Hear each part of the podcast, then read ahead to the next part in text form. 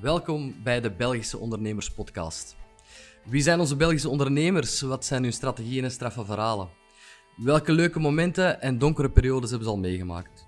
We kennen allemaal de historiek van uh, topondernemers als Mark Koeken, Willy Nases en noem ze maar op.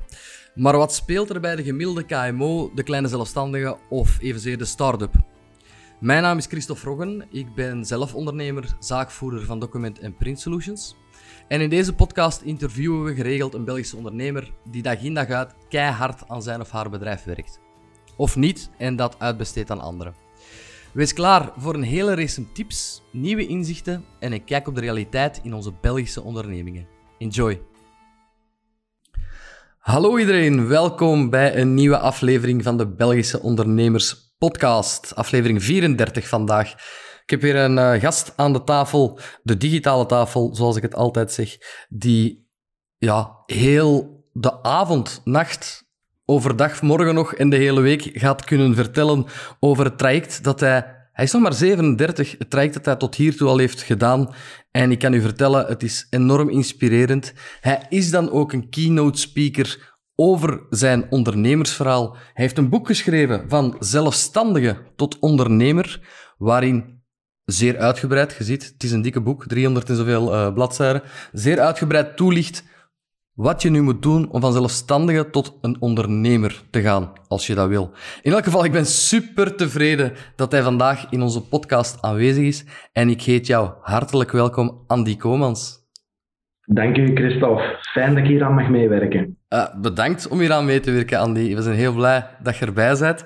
Uh, wat, ik, Oh, wat een verhaal. Ik heb uw boek gelezen. Ik heb uw uh, beknopte samenvatting van een aantal bladzijden in mijn mail gelezen. Het, het, elke, keer, elke keer opnieuw als ik het lees, het inspireert mij al gewoon door het te lezen. Wat moet dat zijn als jij staat te vertellen op uw keynotes of uw zesdaagse seminaries? In Dublin was het zeker. Maar vertel eens, aan die. Jij bent begonnen op een zolderkamerke, zoals het een genie betaamt. Wel, goh, ik, ik ben vooral een jonge vakidioot die een passie had of allee, ik was absoluut een vakidioot die een bepaalde passie had en heel veel goesting en honger om dat na te jagen. Um, Kijk, de, de, tijden waren toen nog anders. Hè. Ik ben, ondanks mijn nog jeugdige leeftijd, ben ik opgegroeid in een tijdperk toen dat er nog niet overal een smartphone aan elke hand vastplakte. En toen ik nog jong was en kind was, um, de iPads lagen nog niet overal op de salontafels. Hè. Wij gingen spelen in het bos met een stok. En, en daar moesten we het dan mee doen. Maar gaandeweg ben ik dan toch ergens op dat, tijdens mijn jeugdjaar, ik denk dat ik toen 15 jaar was, ben ik uh, dat internet tegengekomen als zo een magisch iets. Uh Ondertussen, ik was niet de allerbeste student. Dus uh, ik was te dom om te studeren, dus dan moest ik maar een technische richting leren. Dus de keuze op mijn 12 jaar was hout, metaal of elektriek. Van elektriek had ik bang. Metaal, dat was een blokijzerveilen, dat ging niet vooruit. Dus dan werd het hout en dan ben ik mij een beetje gaan specialiseren in technisch tekenen. 18 jaar geworden, heb ik mijn diploma aan mijn vader gegeven, gezegd, pa, tot nu heb ik gedaan wat jij wilde, alsjeblieft. Maar nu ga ik doen waar dat mijn passie vooral naartoe ligt. En ik ben op de zolderkamer van mijn ouderlijke woonst websites in elkaar beginnen knutselen. Wat toen nog absoluut iets was voor jonge nerds die op zolderkamers iets deden waar dat heel veel mensen niks van afwisten.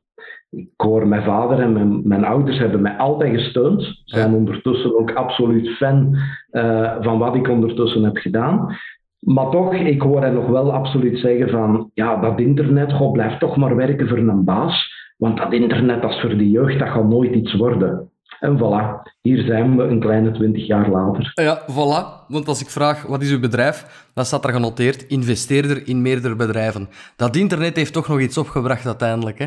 Maar Absoluut. ik herinner mij, wij zijn van dezelfde leeftijdscategorie, uh, dat ik mhm. toen het internet opkwam, uh, als mijn ouders gingen werken en ik moest zogezegd studeren, dat ik de kabel van de telefoon, de vaste telefoon voor de jonge uh, luisteraars, uittrok en als internetkabel gebruikte. En zo kon ik de modem updialen. Het was toen heel traag internet. Hoe ben je begonnen eigenlijk? Want dat was toen nog met disketjes en, en het was niet simpel en niet aan de snelheid van vandaag. Hè? Nee, ik had op een bepaald moment een goede jeugdvriend, die iets later met mij ook mijn eerste bedrijf is gestart. Mhm. En die stond op een bepaald moment aan mijn deur met een fantastische software, hè, Macromedia Flash. En voor degenen die al even op internet zitten en die de Flash-websites nog kennen, dat zijn zowat de jaren 80 kapsels van het internet. dus uh, ja, als je nu die websites terugziet, zo, hè, dan, je komt dan ergens op en dan is het zo welkom. En dan moeten ze 15 seconden wachten om dan zo op deze website. En dan na een minuut of drie krijg je dan zo'n knop skip intro. dat was voor mij eigenlijk de basis waar ik begonnen ben. Uh, ik ben zo websites beginnen maken vanaf mijn 16 jaar. Ik, ik verkocht ze, ik ontwierp ze en mijn jeugdkameraad Stijn, die dan mee de zaak heeft opgestart uiteindelijk, die programmeerde ze. Ik heb nooit een letter HTML geprogrammeerd in mijn leven. Uh, dus dat was niet mijn dada. Uh, ik was van meet af aan nogal een commercieel aangelegd beestje. En, en dat grafische heeft er bij mij altijd in gezeten. Ik mocht van thuis uit geen kunstrichting gaan volgen. Uh -huh. Dus uh, ik heb dan mijn eigen weg gezocht op die manier. Toen ik 18 was, ben ik van de schoolbanken gekomen. Ik heb beslist van kijk, ik ga echt stoppen met studeren, want dat is niks voor mij. Um, ik ben effectief beginnen werken uh, bij een verandabouwer. Dat heb ik zo ongeveer twee jaar volgehouden. Um, daar heb ik dan uiteindelijk, naast dat ik dat deed, want dat was dan een beetje mijn veiligheid, ben ik dan in bijberoep gestart met websites te bouwen. En dat liep gewoon enorm hard in die tijd. Er waren er nog niet te veel die dat, dat deden. Dus ik zat, voordat ik het wist, 20 uur per dag te werken, zeven dagen op zeven. En na twee jaar begon dat toch wel ja, te knagen. Mijn vrouwken en ik, wij woonden toen samen. En ja, we hadden op die moment letterlijk uh, een situatie dat het bed meerdere nachten per week gewoon koud bleef. Uh, dan deed ik een marathonnetje van s morgens 6 uur ging ik dan werken. Om half vier was ik thuis, zette mijn computer op en dan deed ik gewoon een nacht door. Maar dat houden niet vol. Nee, ik las dat in uw boek en ik geloofde het amper. Ja, ik heb dat acht jaar gedaan eigenlijk. Ik heb dat acht, negen jaar echt wel mijn eigen kapot gewerkt. En um, ik ben van toch in het begin, ik ben niet opgegroeid in een ondernemersnest. Um, mijn familie bestaat niet hoofdzakelijk uit ondernemers. Mhm. Dus het is niet dat ik dat met de paplepel heb meegekregen en dat heeft toch wel in het begin een aantal barrières opgeworpen wat ik me echt heb moeten overzetten. Zoals? Uh, de angst van, van die, ja, toch wel die onzekerheid zal ik maar zeggen, van dat ondernemersbestaan, dat was wel iets wat ik me echt in het begin heb moeten overzetten. Ik weet dat ik in mijn fulltime job heb ik na twee jaar mijn ontslag gegeven, omdat dat echt niet meer combineerbaar was. Mhm. En ik ben toen part-time gaan werken bij een bedrijf dat domotica verkocht. En ik deed dat part-time, twee dagen in de week. De rest kon ik mij dan ineens op grotere klanten gaan storten. Ja, als je dan door de dag ineens prospectie kunt gaan doen, dan zit je ineens in een verhaal dat de grotere klanten beginnen te vallen. En ja, toen begon het natuurlijk helemaal uit de hand te lopen. En na zes maanden heeft mijn toenmalige bazin, die ik trouwens achteraf, ik heb de twee bazen waar ik ooit voor heb gewerkt, achteraf mogen verwelkomen als klant. Oh, tof. Ik kon, kon er ook nog altijd een goede relatie met die mensen. En mijn tweede bazin, die heeft mij toen, uh, Karin moest luisteren, die heeft mij toen eigenlijk een hele grote cadeau gedaan. Um, die heeft mij toen uh, uitbesteed aan de arbeidsmarkt en die heeft mij op een bepaald moment dat mijn tijdelijk zes maanden contract verlengd werd en ik vol enthousiasme binnenging, want ik wist zeker dat ik mijn vast contract ging krijgen, zei die ineens tegen mij van Andy, ik ga een beslissing maken die je niet plezant gaat vinden, maar die ik hoop dat je achteraf gaat begrijpen. Want jij moet gewoon durven springen. En daar zat ik dan. Uh, ik heb letterlijk op die moment het janken nabij geweest van oh, ik zie dat niet zitten om terug te gaan solliciteren. Ja. En alleen nu, nu, is die, nu is dat vast loon weg, die zekerheid is weg. En het is belachelijk, want op die moment, uh, ik weet nog dat ik toen in dat jaar ettelijke honderdduizenden euro's omzet draaide met mijn bijberoep. Maar die 800 euro netto op mijn loonbrief, dat was een probleem op die moment. En toen heb ik echt wel een hele grote klik gemaakt. Ja. Um, ik, ik, kon op die moment uh, niet gaan doppen, ik had geen zin om te solliciteren. Dus voor mij was dat echt even door de pijn heen gaan. Om op die moment echt te zeggen van oké, okay, nu gaan we ervoor. En ik heb fulltime mijn bedrijf opgestart toen. Uiteraard, binnen de zes maanden zijn we terug 20 uur per dag aan het werken, 7 op 7. En dan is het eigenlijk op die manier blijven doorlopen. De klanten werden groter tot als ik zo op een bepaald moment 28 was. En ineens kroop ik uit mijn bed en ik wist eigenlijk niet meer voor wat ik het deed. Ik ga niet het modewoord burn-out. Ik heb niet plat op de zetel gelegen. En met alle respect voor de mensen die het ooit echt hebben meegemaakt. Um, dat heb ik niet gehad. Maar ik ben wel mijn doelen voorbij gesprongen. En toen heb ik wel een heel wijze les geleerd. Toen heb ik echt beseft van wat heel veel ondernemers doen. Heb ik achteraf mezelf beseft van, kijk, heel veel ondernemers starten iets met een bepaalde ambitie. Ze beginnen zich kapot te werken, maar ze stellen die ambitie nooit bij. Nee. En vroeg of laat zit je daar dan en je hebt die mooie auto, je hebt dat mooie huis, je hebt de carrière waar je van gedroomd hebt, je voelt je eigen betekenisvol, want iedereen heeft u nodig. Maar dan gaat het dan nog moeten doen voor de volgende 30 jaar totdat je ooit met pensioen kunt gaan. En is het dan dat?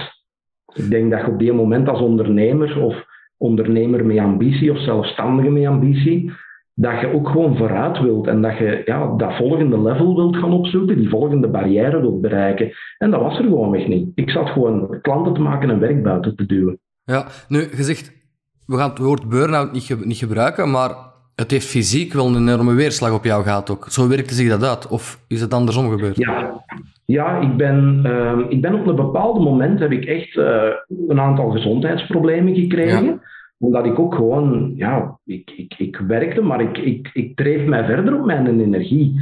En ik denk, als je de juiste mindset hebt als ondernemer, dan weet ik niet of dat ik echt in staat zou zijn, ik kan alleen voor mezelf spreken, om echt in een burn-out terecht te komen, dat ik het mentaal niet meer zou kunnen, want je bent gewoon op adrenaline vooruit aan het knallen. En er is altijd dat volgende contract en dat volgende project en die volgende opdracht die buiten moet. Maar uw lange termijn ambitie en uw perspectieven en uw doelen en alles wat je daaraan koppelt, dat ontbreekt op die moment gewoon. Heb je dat beseft door een bepaald... Sorry, ik onderbreek, maar heb je dat beseft door een bepaald gebeurtenis? Of is dat gewoon langzaamaan erin geslopen? Het is langzaamaan gekomen. Het is eigenlijk mijn echtgenote, die ondertussen uh, ook mee in de zaak werkte, die dat eigenlijk mij eigenlijk daarop bewust heeft gemaakt op een bepaald moment. Van uh, gewoon heel open te zeggen van Andy, eh, ja, je bent een Andy niet meer die ik twee, drie jaar geleden kende, of die, die toen vol passie en goesting nog in zijn zaak stond. En ja, wat scheelt er? En dan beginnen we wel na te denken. Ja, en hij heeft een Porsche gekocht en is er vertrokken. Zoiets, ja. nee. nee, oké. Okay. Dat, dat niet de oplossing geweest, denk ik. nee, wat heb je dan wel gedaan? Wel, uh, het was heel duidelijk op die moment dat het een keuze maken was voor groeien of ambitie bijsturen. En, en ambitie bijsturen, daar, ja, terugkrimpen, daar geloof ik niet in. Dus automatisch was de keuze dan voor groeien. En dat kwam dan ongeveer samen op het moment dat we een huis gebouwd hadden. En we hadden ons een bureau ingericht bij mij thuis aan het kantoor hier, hè, vlak voor de living, gelijk dat dat bij veel mensen is. Ik had daar een werkplaats, mijn vrouw had daar een werkplaats. En we dachten van, witte, laat ons zo doen. We gaan daar twee werkplaatsen maken, want we moesten ooit maar eens met twee man personeel willen werken. Ja. Maar we gaan dan eens beginnen met één medewerker aan te pakken.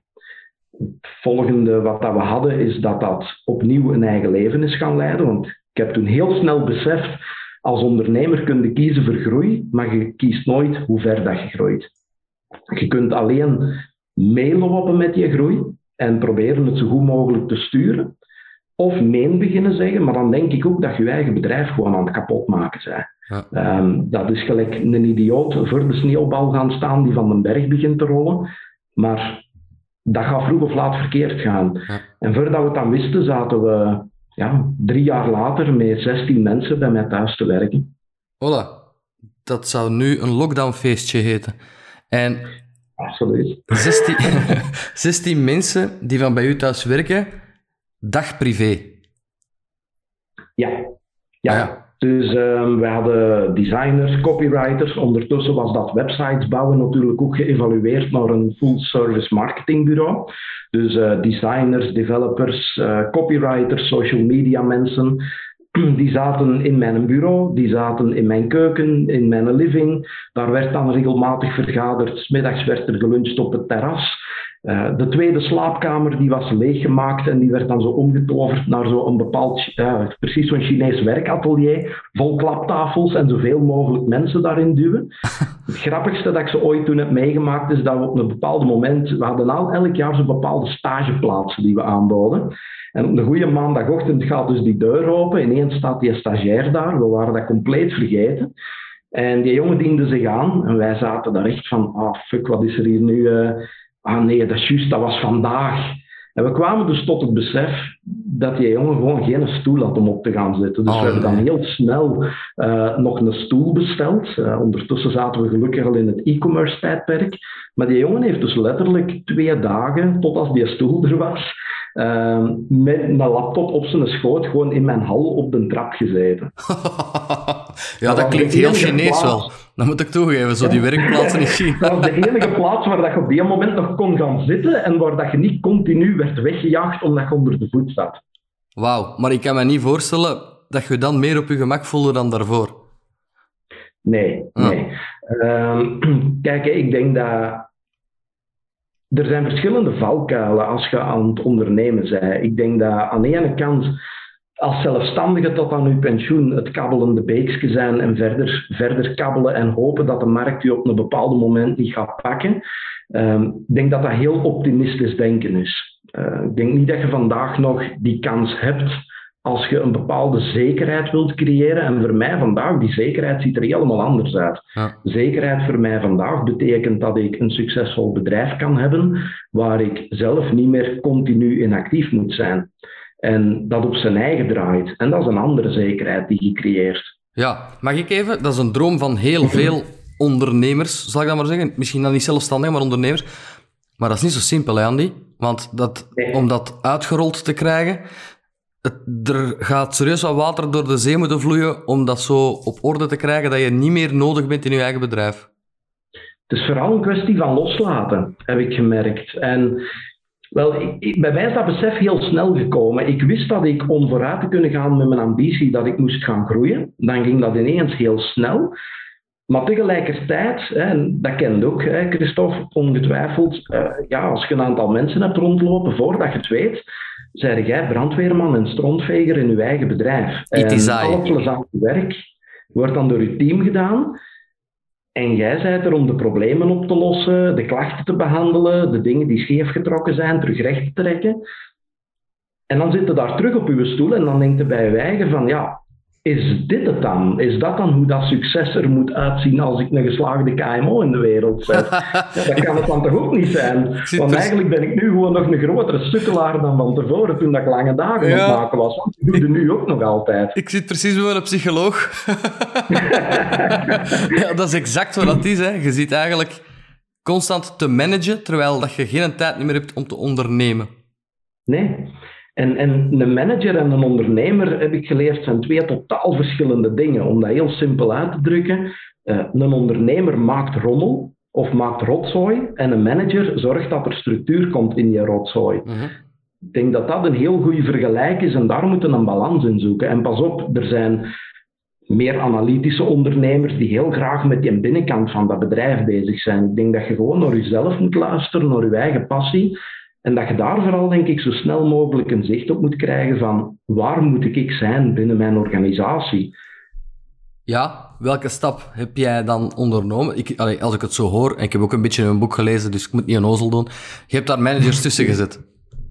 Ik ben eigenlijk heel snel tot de conclusie gekomen dat ik niet gelukkig werd van een team van mensen leiden. Fantastische mensen, ik heb altijd heel goede mensen in mijn bedrijf gehad. Maar ik kon mij daar niet door opladen om van maandag tot vrijdag bij wijze van spreken met een HR bezig te zijn en interne processen en structuurtjes in systemen te gaan steken. Ik moest met die buitenkant kunnen bezig zijn. Weet je, wat mij altijd in het begin nog de marketing heeft toegetrokken, is dat ik heel graag bezig ben met concepten te creëren. Ik zet graag concepten scherp, dat is ook hetgene waar ik heel goed in ben. En ik breng dat dan graag in relatie met de juiste doelgroep via de juiste distributie. En dat is iets, kijk, marketing heeft mij altijd gefaciliteerd om dat te kunnen doen voor andere bedrijven. Ja. En daar moest ik zijn. In, in de toekomst, bij wijze van spreken, dus de grotere strategie, meer de visie dan het praktisch operationele. en aan de buitenkant van mijn organisatie. En dat heeft er eigenlijk op een bepaald moment zelfs toe geleid, door gewoon mezelf die vraag te stellen, waar ligt mijn echte ambitie? Waar word ik als mens gelukkig van? Dus waar moet ik zijn? En dat in combinatie met de vraag, hoe kan ik zo betekenisvol mogelijk zijn? Want dat is altijd mijn driver geweest om in dat ondernemerschap te springen. Hoe kan ik zo betekenisvol mogelijk zijn? Dat heeft eigenlijk uiteindelijk voor mij de beslissing voor mij gemaakt om stapje per stapje uit mijn eerste bedrijf te stappen. Ik ben heel snel begonnen met uh, inderdaad managers aan te stellen. En in de eerste stap was dat Tanja, onze COO die we toen hadden. Ja. En die dame is eigenlijk op mijn pad gekomen. Die solliciteerde voor een andere functie, maar die was gigantisch overgekwalificeerd. Die had ook al een ervaring, heel wat teams geleid in grote bedrijven. En wij voelden onmiddellijk van, oké, de job waar dat je hier nu voor op een stoel komt zitten, daar wordt het niet. Maar ik heb haar dan wel een dag nadien teruggebeld met de melding van, kijk, misschien heb ik nog iets anders voor u. Mhm. En zij is gesprongen. Zij zat op het kruispunt in haar carrière van, ik zoek een kleine KMO, ik ben dat beu om die logge tankschepen, waar dat je negen maanden moet vergaderen om die boot twee graden al links of rechts te krijgen. Dat heb ik gezien, dat heb ik twintig jaar gedaan. Geef mij gewoon eens een goede KMO met ambitie, waar dat ik zelf mee het stuur kan vastpakken. En wij waren eigenlijk een hele goede tandem op dat vlak. Zij heeft de HR direct vastgepakt. Zij is die interne cultuur, dus die visie die wij wel hadden, maar vaak niet het geduld hadden om daar iedereen in mee te pakken. Dat is zij dan uiteindelijk volledig gaan installeren. Hebben we ook met dat bedrijf heel wat prijzen mee gewonnen. Uh, 2019 zouden we bijvoorbeeld door Unizo nog verkozen als meest uh, personeelsvriendelijke KMO van Vlaanderen.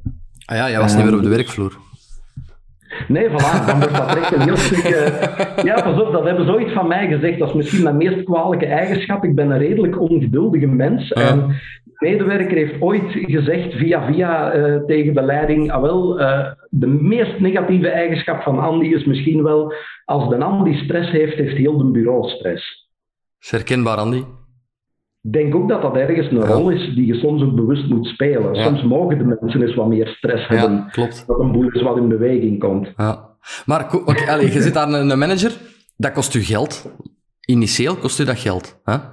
Uh, op die moment was dat zelfs zo. Haar loonkost was de volledige winst die wij in het afgelopen boekjaar gemaakt hadden. Goeiedag. Maar toch beslissen, ik ga dat doen. Ja. En jij gaat van de buitenkant werken, of ik neem aan, ook nog sales toch altijd dat je nog deed? Nee, sales was eigenlijk een van de dingen die ik al heel snel heb losgelaten. Ehm, ik heb het geluk gehad om eigenlijk redelijk snel, toen dat we met mensen begonnen te werken, ik heb heel veel mensen in een salesfunctie proberen te installeren. Dat is meer niet gelukt dan wel gelukt. Uh, ongetwijfeld omwille van de complexiteit en de dienstensector waar wij in zaten. En oké, als je met een ondernemer aan tafel moet gaan zitten en je moet kunnen zeggen van kijk, wij gaan bepalen hoe dat uw bedrijf meer schaal kan gaan pakken. Maar dan verwachten we ook wel dat we die strategie in handen mogen pakken en mogen sturen. Ja, dan moet er, allez, dan moet er ook wel tegen een stootje kunnen als je dat gesprek moet gaan voeren. Ja. Ik heb heel snel uh, Bert, een van de mensen die heel snel op mijn pad is gekomen, die heel succesvol was in de verkoop, die heeft dat volledig bij mij kunnen lospakken. Die is ook mee het bedrijf mee doorgegroeid als, uh, als sales manager. En uiteindelijk heeft hij ook uh, mee de overname gedaan van dat bedrijf. Maar goed, dat is voor straks. Hè. Ja, ja, ja oké. Oké, manager, de Bert als later sales manager. En jij bent gaan ondernemen aan je bedrijf. Ja. Mijn job was dan voornamelijk nog uh, de productontwikkeling, uh, de concepten verder uitwerken, de richting van het bureau meesturen. Gaandeweg begon dan ook op mijn pad te komen dat links en rechts wel eens werd gevraagd van Goh, Andy, met uw verhaal zou dus niet een keer eens daarover willen komen vertellen op een evenement. En ik heb eigenlijk altijd nee gezegd. Uh -huh. Tot op een bepaald moment dat ik de telefoon opnam en aan de andere kant ging Google die toen bezig waren met de digitale ateliers. En die zochten iemand dus om die programma's mee vorm te geven in Vlaanderen. En dat is dan het moment dat je natuurlijk ja begint te zeggen, want ja, zo'n kans krijg je niet vaak. En daar heb ik dan eigenlijk wel geleerd dat dat voor mij ja, gewoon een gigantisch groot vuur aan mijn lont was. Dat was echt een passie die ik in mijn eigen heb herontdekt. Uh, ja, ik, ik, ik deel graag kennis, ik inspireer graag mensen. Dus ik ben dan ja, die twee seminars die ik dan in het begin voor Google moest geven, zijn er uiteindelijk 34 geworden. En toen ben ik dat eigenlijk meer en meer en meer beginnen doen. Ik heb daar een aparte vennootschap voor opgezet. Ik ben uh, in opdracht van organisators, want ik organiseer voor alle duidelijkheid zelf geen events. Ik word gevraagd als spreker om op evenementen te gaan praten. Zo heb ik een aantal vaste partijen waar ik heel goede samenwerkingen mee onderhoud. En ik ben gaandeweg meer en meer op dat elan gegaan, want één, ik deed dat gewoon zelf heel graag. Maar twee, ja, ik kon daarmee ook gewoon mijn tijd direct delen met heel veel ondernemers die ik vooruit kon helpen. Dus ja, dat werkte. Ja, mooi, mooi. Maar, maar, knap, maar de eerste keer is het toch met dichtgenepen billen? Of zat dat gewoon natuurlijk in u? Ik ga praten en we zien wel. Ah, wel, iets wat ik eigenlijk nog nooit heb gedeeld. Ik heb... Uh, ooit toen ik 13 was, denk ik ongeveer, heb ik een heel slechte ervaring met het podium gehad. Erop ja, Ik uh, had toen de dankbare taak om voor uh, schooldag, of ik weet niet wat het was, uh, klassendag of zoiets, ik ben echt kwijt hoe dat noemde, maar elke klas moest dan iets doen. En bij ons was dat een voordracht. -huh. En via loting werd dan beslist dat de Andy op het podium in het cultureel centrum een van de hoofdrollen mocht gaan spelen. En ik had dan de dankbare taak om voor een heel auditorium vol met medestudenten van mijn, mijn jaar, een jaar jonger en een jaar ouder, op te mogen komen om dan vast te stellen dat mijn micro dus niet werkte. Oké, heerlijk. En dan staat er daar ineens voor uh, 500, 600 leeftijdsgenoten die u keihard beginnen uit te lachen. Uh, uh. Um, ja, dan, dan heb je een ervaring achter de rug die misschien heel wat mensen echt wel van het podium zou weghouden. Gaandeweg, ja, ik, ik heb op mijn 18 jaar zo, ik ben gepest geweest een aantal jaren in het middelbaar. Okay. En dat heeft mij wel in mijn vroege jaren een bepaalde vechtlust gegeven. En tot op een bepaald moment heb ik dat ook meegenomen. Ja. Heb ik dat ook echt meegedragen. Nu heb ik dat ondertussen losgelaten. Ik, dat is ook iets dat heel ver achter ligt. En ik, trek mij, ik, ik beweeg mij eerder toe naar positieve dingen die ik nog graag wil doen, zal ik maar zeggen. Dus die bewijsdrang is daar een stukje minder weg. Dat is eerder ja, zinvol willen zijn voor de mensen die je wilt helpen vandaag. Maar nee, vanaf die eerste keer zal ik zeggen dat ik dan echt ging spreken. Je vertrekt vanuit je passie, vanuit de dingen waar dat je er bezeten bent. Dus ja, waarom zou je daar zenuwachtig over zijn? Ja, omdat je van de groep mensen staat. Ja, ik heb mij gewoon kostelijk geamuseerd. Ja, oké, tof. En dat heb je dan uh, uh, tientallen keren gedaan voor Google. Nu doe je dat zonder corona op bijna wekelijkse basis. Toch maandelijks, ja. Of toch maandelijks, toch maandelijks. ja. Um, is dat een van uw hoofdactiviteiten nu? Of zijn er, pak je dat gewoon mee, laat ons zeggen, als ontspanning? Nee, voor mij is dat, ja, het voelt als ontspanning. Mm het voelt als ontspanning, maar ik zie het echt wel als mijn grote passie die ik najaag. Hè. Dus ja. uh, liefst van al uh, sta ik zo vaak mogelijk ergens op een event kennis te delen. Dat vind ik gewoon plezant. Natuurlijk daarnaast heb ik ook de orde van de dag en wil ik wel met mijn twee botten in de klei blijven staan en actief blijven ondernemen. Wat dan ook meteen de reden is dat ik vandaag nog in, in verschillende raden van bestuur zit, een aantal, ja, ook een, een aantal bedrijven mee investeer, een bedrijf ook actief mee aan het uitbouwen ben en ook nog mee fiets met mijn eerste bedrijf. Alles wat je nu gezegd hebt, komt voort uit het feit dat je uiteindelijk je, je eerste bedrijf verkocht hebt. Ja, correct. Toch? Dat is nu eigenlijk in het begin van dit jaar geweest. Ja. Dus uh, ik heb op een bepaald moment echt gemerkt dat mijn passie mij buiten mijn bedrijf begon te trekken. En ook ik had binnen het bedrijf, ik had voor mijn gevoel gebouwd wat ik wilde bouwen. En dat klinkt misschien ondankbaar, wat het absoluut niet is. Maar ik had ook op die moment, en, en dat moet ik er misschien ook even bij zeggen, op die moment was onze managementstructuur volledig uitgebouwd. We hadden ook pas een CEO aan boord gehaald, Wim, die, die echt met heel veel goesting, heel veel passie die Kate aan het trekken was. Die wel die managementambitie heeft om die binnenkant van dat bedrijf echt volledig scherp te stellen. En ik heb ook gewoon bij mezelf toen vastgesteld van kijk, ik denk dat nu het bedrijf op een bepaalde schaal is gekomen waar er iets minder nood is aan een ondernemer die hier van maandag tot vrijdag nog op de vloer loopt En meer nood is, of veel meer nood is, aan een manager die hier van maandag tot vrijdag is. En dat ben ik, ik niet. Ja. Ik heb heel snel, en dat is misschien mijn geluk wel geweest, en misschien ook ergens een tip naar veel ondernemers toe. Ik heb heel snel gezien dat dat managen van een bedrijf, dat dat eigenlijk niet echt iets voor mij was. En ik heb het dan ook kunnen loslaten en, en het vertrouwen kunnen schenken aan mensen om dat in mijn plaats te doen. Weliswaar altijd vanuit een controlerende functie, altijd met voldoende overleg, altijd meegewaakt en, en over de systemen die daarvoor opgezet worden en altijd meegewaakt over de rapportage die daaruit terugkomt. Je zegt, Maar dat heb- creëert van heel veel ruimte. Absoluut, en dat begrijp ik ook. Maar je zegt, ik heb het kunnen loslaten. Dat is net wat heel veel ondernemers niet kunnen. Hè?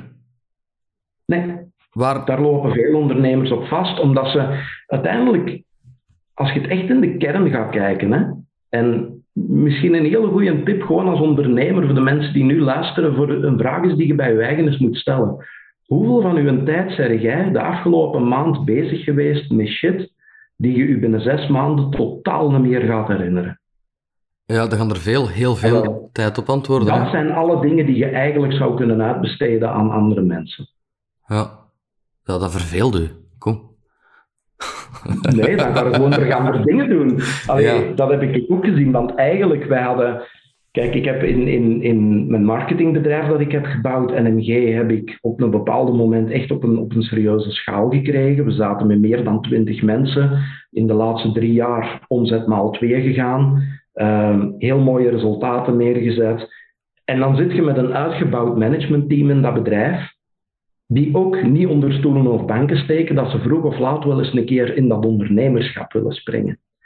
Terwijl dat je zelf bij je eigen begint te voelen van, goh, ik wil hier nog wel die inspirerende rol spelen, maar mijn passie begint nu ook wel verder te gaan als ondernemer, want ik zag ook heel duidelijk van, kijk, wat ik nu met mijn eerste bedrijf heb gedaan en waar ik heel veel tijd voor heb nodig gehad, dat kan ik nog x aantal keren doen in mijn carrière. En, ik, en nu ondertussen weet ik langs welke stationnetjes dat een trein moet passeren.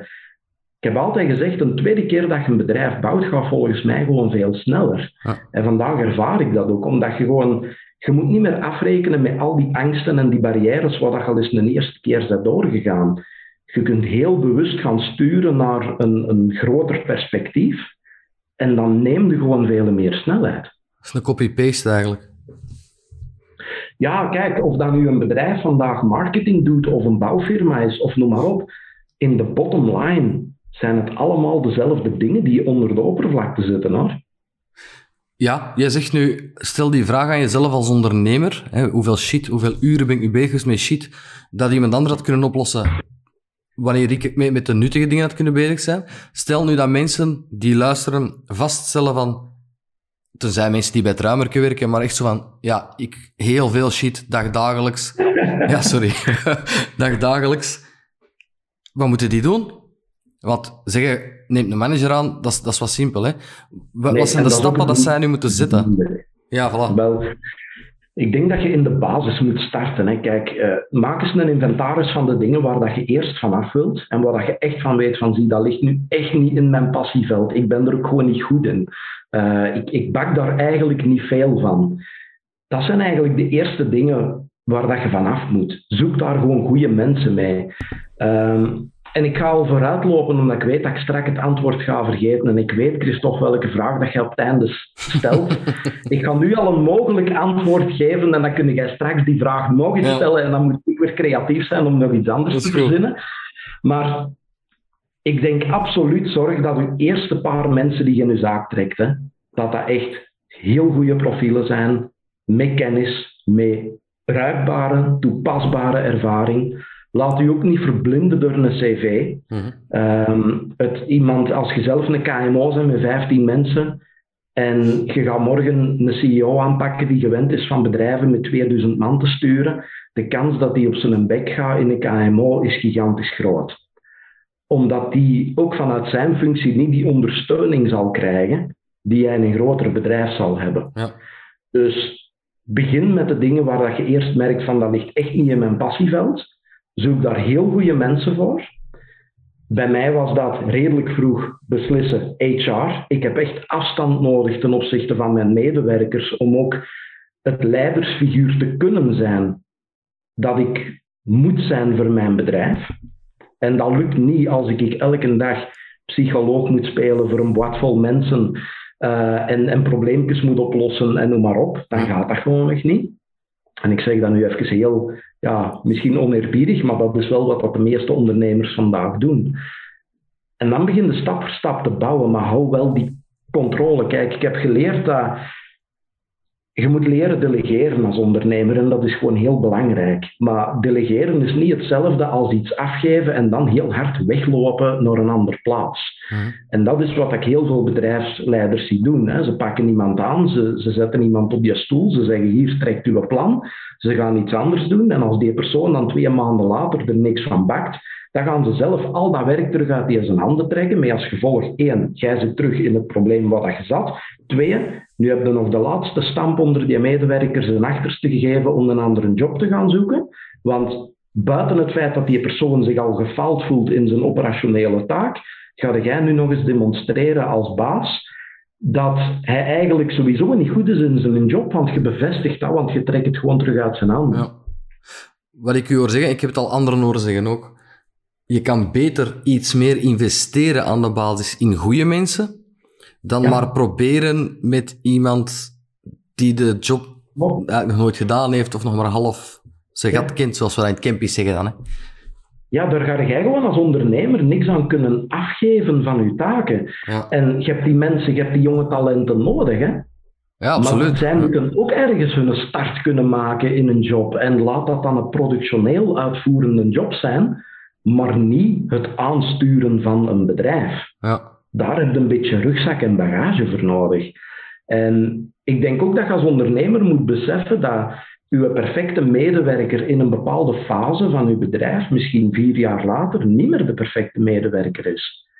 En hoe vaak dat ik al niet in bedrijven ben geweest, want een stapje dat ik nog misschien vergeten te vermelden ben, uiteindelijk voor ik het podium heb gekozen als spreker, heb ik een aantal jaren echt one-on-one consulting gedaan, ook vanuit mijn bedrijf. Dat ik echt mede processen op punt ging stellen in organisaties. En als je gewoon merkt hoe vaak dat ik ben tegengekomen, dat je daar zo met mensen, dat je een team van mensen ziet, waar dat je echt letterlijk zegt, ja, 30% van wat hier vandaag rondloopt, had hier al lang niet meer moeten zijn.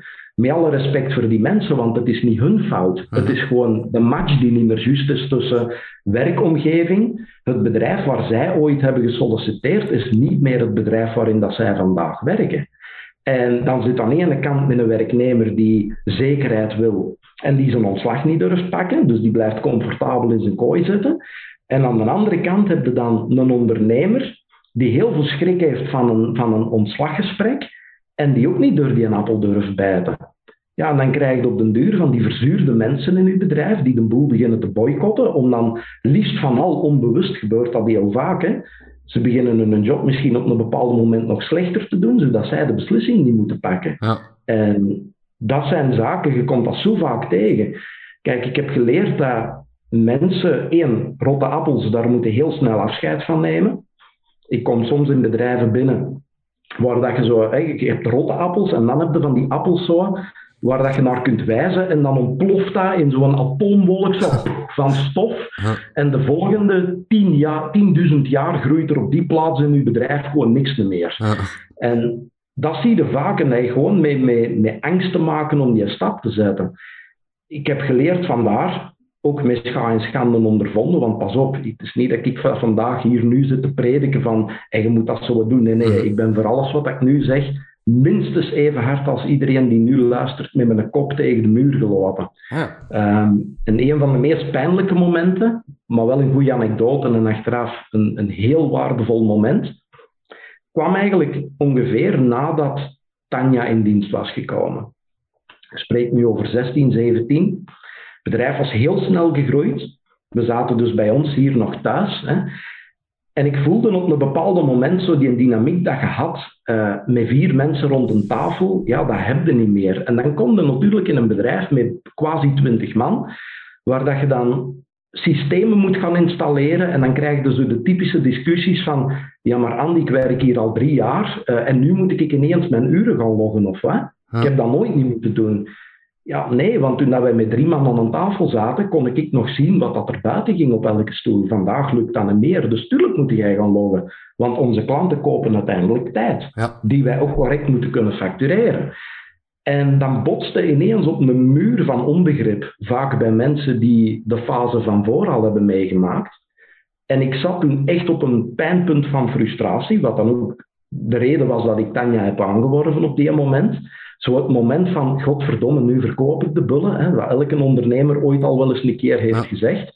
Daar zat ik toen, in 16. Dat was voor mij echt van, kijk, ik, ik moet dat HR-verhaal kunnen loslaten. Ik brand mij daarin op tegen 200 per uur. Dus of ik verkoop het bedrijf, of hier komt een management in mijn plaats. Het is dan optie 2 geworden. Een keuze waar ik achteraf heel blij mee ben geweest. En ik herinner mij nog dat Tanja, uh, het eerste wat zij deed, was met elke medewerker een boswandeling gaan maken van een uur. Oké. En daar een paar achterlaten. Dus en zo halveerde je werknemer. dat had ze achteraf bekeken misschien beter gedaan. maar nee, ze is teruggekomen en ik herinner mij nog dat ze haar verslag gaf en dat ze zei tegen mij, Andy, je hebt hier een aantal mensen rondlopen, er waar echt topkwaliteit in zit, waar echt heel veel ambitie in zit. Maar je hebt hier ook een paar rondlopen en ongetwijfeld in elk bedrijf die denken dat de gebraaide kiekers zomaar in, in uw mond komen gevlogen. En zij heeft heel resoluut op die moment samen met mij en mijn echtgenote beslist van kijk, we gaan onze koers die we willen varen, onze vijfjarenstrategie, gaan wij uitrollen. En de mensen krijgen zes maanden de tijd om zich aan te passen aan die nieuwe vorm van bedrijf. Ja. Nadien gaan wij kijken wie nog op de boot zit of wie nog mee mag varen. En het heeft zo lang geduurd, want onmiddellijk met nieuwe dingen in snel tempo te integreren in uw bedrijf, ongeacht hoeveel communicatie dat je voert, merkte dat uw bedrijf zich gewoon in twee stukken begint te scheuren. Een deel die mee willen en een deel die niet mee willen. En na vier maanden was ik het zo kotsbeu, het intern gediscussieerd erover. En was het voor mij ook gewoon zo duidelijk dat ongeacht hoeveel moeite dat we nog gingen doen, ik zat gewoon met twee derde mensen die of mijn bedrijf ontgroeid waren of omgekeerd. Twee derde? En ik heb ja, 12 van de 18 mensen die we toen hadden. En ik heb op voorhand altijd heel veel moeite gehad met ontslaggesprekken te doen. Ik heb toen op drie weken tijd 12 mensen laten gaan. Oh. Dat, was best heftig. Ja. ja. dat was heftig. Uh, medewerkers kwamen toen op die moment thuis van, allee, wie is er vandaag weer moeten vertrekken? Klanten beginnen nu op te bellen die zoiets hebben van, zeg Andy, wat is er bij jullie aan het gebeuren? En dan zijn we natuurlijk verplicht om daar een uitleg aan te geven. Ja, we zijn nu de verandering aan het maken die we eigenlijk al drie jaar in stapjes hadden moeten doen. Maar die we nooit gedaan hebben. Maar vandaag doen we dat wel. En natuurlijk, ik wist op die moment, kijk, ik heb mijn, mijn zaak toen ik begon met medewerkers, en dat is die fout die ik toen gemaakt heb, ik heb allemaal mensen aangeworven die vers van de schoolbanken kwamen. Ik heb heel veel, echt heel veel, um, hoe zeg ik dat? Ik heb heel veel, uh, ja, ik, ik, ik hou wel van jong talent dat zich nog moet bewijzen, uh, die, die kansen willen grijpen en ik heb daar een bepaalde dynamiek mee. Ik, ik, ja, ik neig daar wel naartoe, dus ik wil die mensen dan ook iets gunnen. Maar dat is ergens een beetje een valkuil geweest, want ik had gewoon mensen die werk verzetten, die vaak nog geen kennis hadden over hoe dat ze dat werk zelf meer efficiënt konden gaan uitvoeren dan wat ik hen op die moment kon geven. Ja. En dus het werk ging gewoon trager, maar de opdrachten werden alsmaar groter en het werden er alsmaar meer. En dan komt op een bepaald moment, zo komt je bedrijf gewoon een beetje vast te zitten in het slijk. En als je dan nog eens je interne systemen wilt aanpassen en er komt weerstand op, ja, dan kom je wel op het punt dat je zoiets hebt van, goh, mijn beste man, ik denk dat het tijd wordt dat jij nog eens een, een tweede werkervaring wil doen. Zodat je weet wat dat realistisch is op een ander en wat niet. En tegelijkertijd hadden wij heel veel werk gemaakt van onze employer branding. Uh, absoluut toptip voor iedereen die luistert. Maak daar werk van. Want uh, ik heb in twintig jaar in de marketing twee dingen geleerd. Eén, de marketing bij veel KMO's trekt op niks. Twee, de employer branding van veel KMO's trekt nog op veel minder. Daarmee wilde zeggen de interne marketing. De marketing Ja. om talent aan te trekken. Ja. Hey, simpel voorbeeld, en voor de mensen die luisteren, doet je een test eens bij jezelf.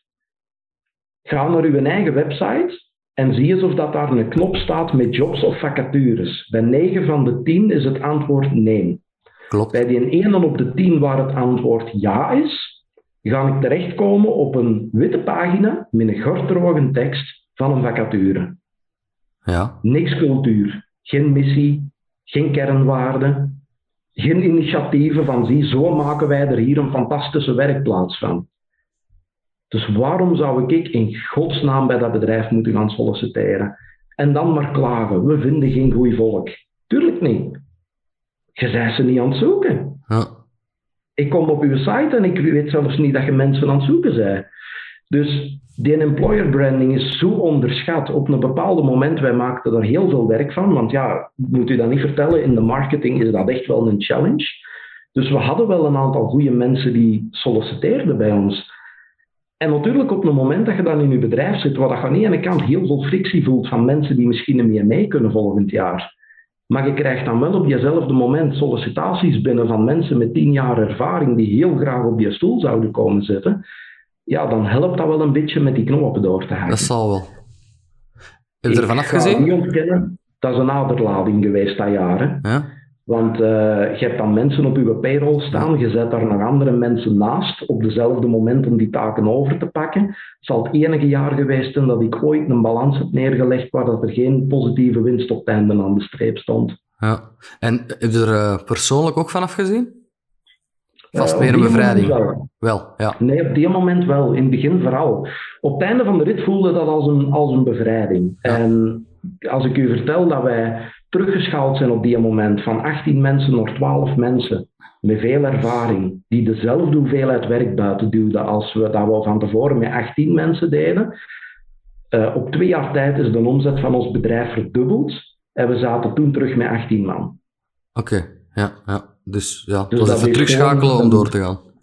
Ja, Oké. Absoluut. En dat heeft, dat heeft achteraf, dat is een van de momenten geweest die heel veel pijn heeft, gegeven bij mij persoonlijk, omdat dat ook wel wat vechtte tegen mijn karakter op die moment.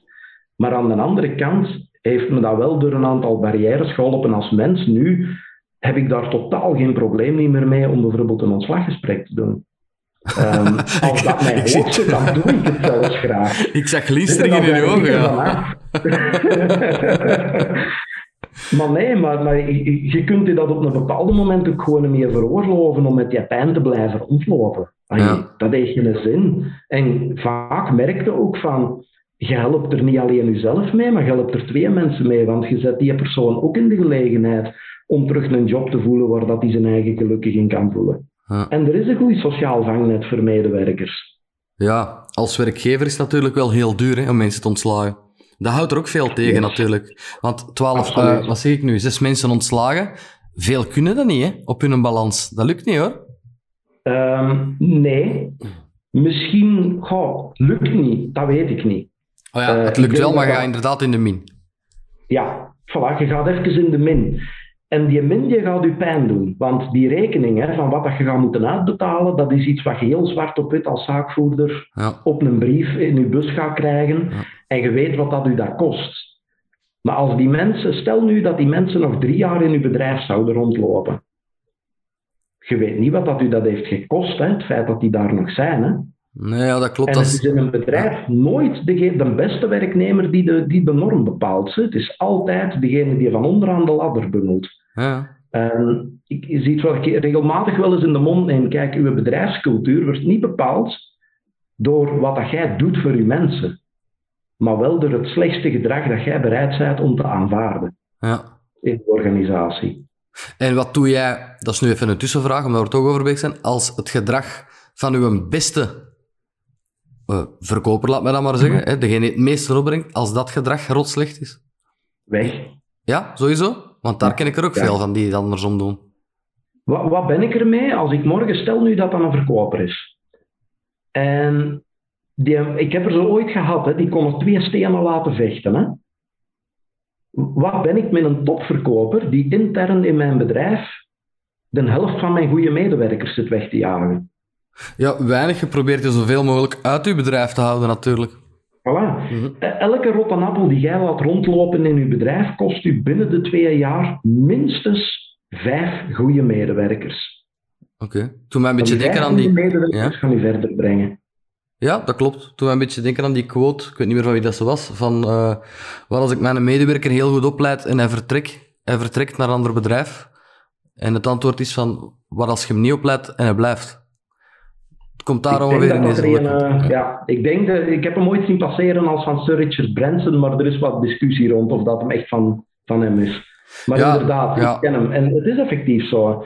Um, kijk, ik denk dat wij als ondernemers de opdracht hebben om een vehikel te bouwen waarin dat we heel duidelijk kiezen waarvoor dat wij als ondernemer willen staan, met ons bedrijf voor willen staan, en dat je dan mensen op de boot moet houden die zich daar goed in voelen.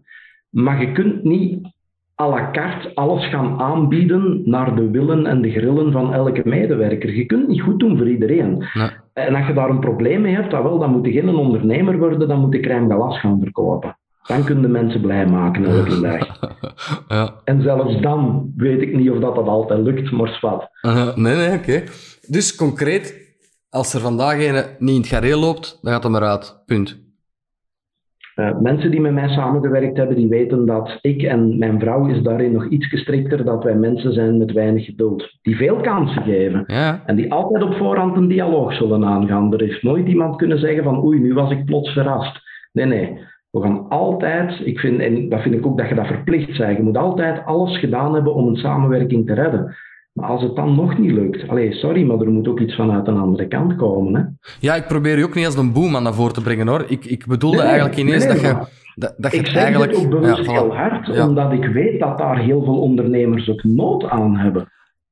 Er zijn er heel veel die het laten aanslepen. 90 procent, zeker weten. Ik heb nu niet getest, maar het zal zo wel iets zijn. Ik heb het ooit ook gedaan. Uh, mensen die er al niet meer hadden moeten zijn en, en verder mee aangemodderd. En de uitkomst is altijd hetzelfde. Na twee jaar brengen die mensen hun, hun loon niet meer op en haken die vroeg of laat toch af. En wat heeft het u dan gebracht? Miserie. Niks. Ja. Wat heeft het u gekost?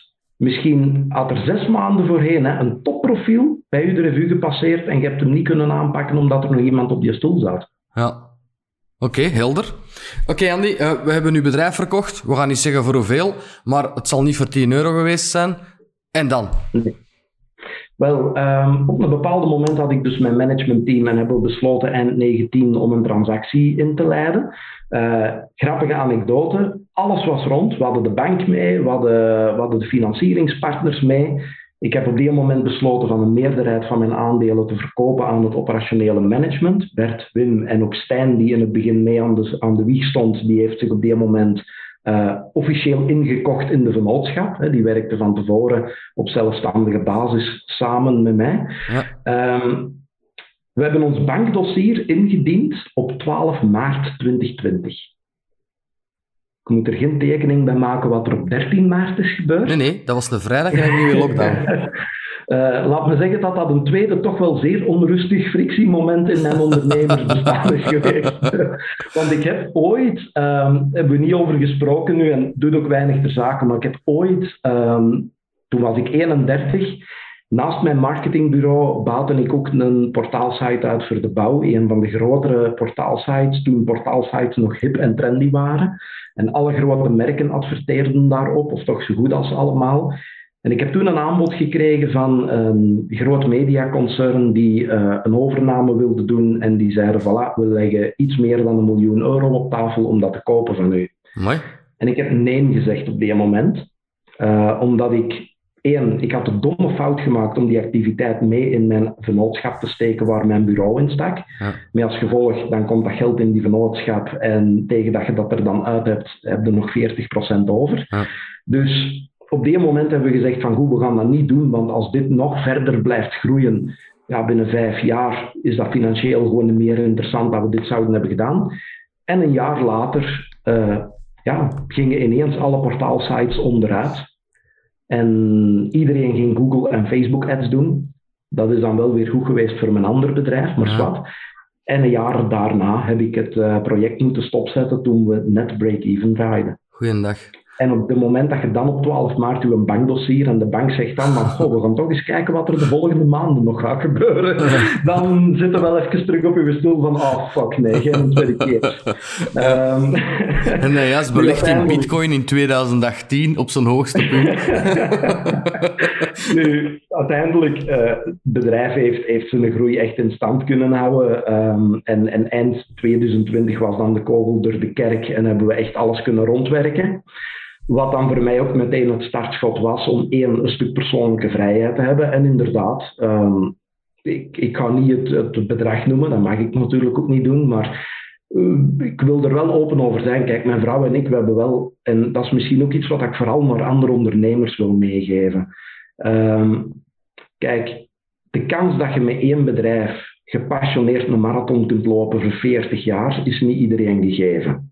Ik denk dat je op een bepaald moment ook eerlijk met jezelf moet durven zijn. Als je zegt van kijk, er zijn andere mensen met meer passie die de keet verder willen groot trekken en laat mij dan maar de taart delen. En daar is misschien iedereen beter mee af. Aan de andere kant, kijk, ik, ik weet hoe het voelt om, om heel snel, wij hebben ons bedrijf altijd gegroeid, niet volgens de moderne manier van kapitaalronde naar kapitaalronde. We hebben altijd alle winsten die we draaiden terug geïnvesteerd in verdere groei. Wat dus maakt dat je als ondernemer een loon meeneemt naar huis. En oké, je kunt daar oké van leven. Maar het is niet dat de miljoenen op je bankrekening staan privé. Want al dat geld steekt in je zaak en dat is een belegging. Ja. Maar na een marathon van, ja, in totaal nu voor mij, het bedrijf groeien, toen ik zei van nu ga ik groeien, dat heeft zeven jaar geduurd. Um, maar in totaal ben ik na, naar dat moment aan toewerken geweest, toch wel voor een 17, 18 jaar op die moment zie je ook van, goh, er zijn andere dingen waar ik mij wil, be wil bezighouden om mijn ondernemersportefeuille te diversifiëren. Maar dat kan ik niet als ik daar niet het kapitaal voor heb. En zo valt de puzzel dan uiteindelijk wel in elkaar. Ja. Uh, ik, voor mij was initieel, en dat kwam dan ook een beetje ongemakkelijk, uh, initieel was het zo dat ik uh, mijn CEO heb aangeworven toen in, in mijn eerste bedrijf. En die kon volledig de kate overpakken in februari uh, eh, 2020. Op die moment had ik zoiets van: oké, nu kan ik volop voor dat spreken gaan. En mijn agenda stond echt nog vol. Ja, dan komt dus die lockdown. En dan zit ineens gelijk een gepensioneerde thuis, want je hebt dan met je management de afspraak gemaakt van. En Andy gaat het volgende jaar heel weinig naar hier komen, zodat iedereen zijn plan volledig leert trekken. Want dat is ook de beste leerschool.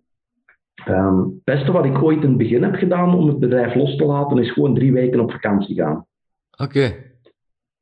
En ik, als er één ding is dat ik altijd wel goed heb gedaan, is sinds het moment dat ik die klik heb gemaakt van nu ga ik groeien met mensen, heb ik ook de beslissing gemaakt van en nu ga ik geen lange dagen niet meer doen. Is dat gelukt? Ja. Dus Vanaf die moment, radicaal, beslissing gemaakt. Vanaf dat mijn eerste medewerker op de payroll stond, heb ik gezegd van ik ga hier niet x hoeveelheid lonen uitbetalen en tegelijkertijd ook nog eens gelijk een slaaf weken van 90 of 100 uur zitten kloppen. Dat ga ik niet doen. Ja. Tuurlijk zijn je gepassioneerd bezig. Tuurlijk maakte geen 38 uur week of, of een, hè, zo is er ook een boek die 4 uur op een ja, week belooft. Nee. Hey, mijn werkdag begint s morgens om 5, 6 uur. Ik sta heel vroeg op. Um, maar ik stop ook elke dag rond 5 uur. Ja, dat zijn altijd 12 uur, hè? Ja, voilà. En vrijdag stop ik rond de middag. En in het weekend is bij mij ook echt weekend. Dat kan je, want dat is ook loslaten, hè? Ik, uh, nu, ga, nu ga ik iets vertellen dat voor mij heel bevrijdend was en voor heel veel ondernemers heel vreemd klinkt als ze mijn gsm-nummer vragen. Ik heb geen zakelijke gsm. Oké. Ik heb samen met mijn echtgenote hebben wij één privé gsm-toestel. En ik heb zakelijk geen gsm. Oké. ik hoef dat niet. Ja. ja. Nee, dat, uh, ik heb ook geen mailbox op je gsm. Ja. Ik heb zelfs geen directe mailbox. Dat is ook iets wat ik al vijf, zes jaar doe. Mijn mails komen terecht bij destijds mijn, mijn uh, office assistant en vandaag bij mijn echtgenote. Okay. Zij filtert uit. Zij is daar trouwens ook veel beter in als ik. Um, maar mails die gestuurd worden, zullen altijd eerst bij andere mensen komen dan bij mij. En dat bevrijdt mij gewoon gigantisch. Ja, dat kan ik me wel voorstellen. Maar de stap om dat, om dat los te laten, want jij gaat daar heel ver in. Je hebt geen rechtstreeks gsm-nummer, Je hebt geen rechtstreeks e-mailadres, dat is heel ver. De stad, zeker als je komt uit een stramien van bijna 24 op 24, 7 op 7 werken, dat moet bijna in een zwart gat vallen zijn de eerste dagen. Ik heb mij, ik durf zelfs eerlijk zeggen, toen ik op die moment dat ik dat heb gedaan, ik heb die beslissing genomen van nu ga ik echt heel duidelijk afbakenen in mijn agenda. En dat lukt niet altijd, hè, voor alle duidelijkheid. Nee. Maar ik ga voor mezelf echt wel die grens afbakenen van hoe ver wil ik gaan en ik ga die balans bewaken tussen privé-tijd en werktijd omdat ik denk, ik, ik heb voor mijn eigen een goede motivatie gehad van kijk, hè, als ik 50 uur op een week werk en ik kan het daar niet mee doen, dan zal ik er ook niet rijk van worden als ik er 70 uur per week in steek. Ja, dat weet ik niet. Er is een fase in het begin van je ondernemerschap dat je dat absoluut nodig hebt. Ja, Daar ben ik het helemaal mee eens. Ja. Maar tot aan uw pensioen, Nee, zeker niet. Er is een kantelpunt. En dat kantelpunt kan ook jaren duren. ja, bij mij heeft dat 8, 9 jaar geduurd. Ja, Oké. eigen kapot werken om een goed fundament op te bouwen. Ja, En dan die klik maken om te zeggen van kijk, nu kies ik ervoor om mijn uren per week echt te limiteren en ergens te bewaken. En als dat betekent dat dan het werk niet op tijd buiten geraakt, ja, dan zullen we meer mensen moeten aanpakken. En je begint je bedrijf er automatisch naartoe te organiseren, gewoonweg. ja. En dat lost al heel veel van problemen op.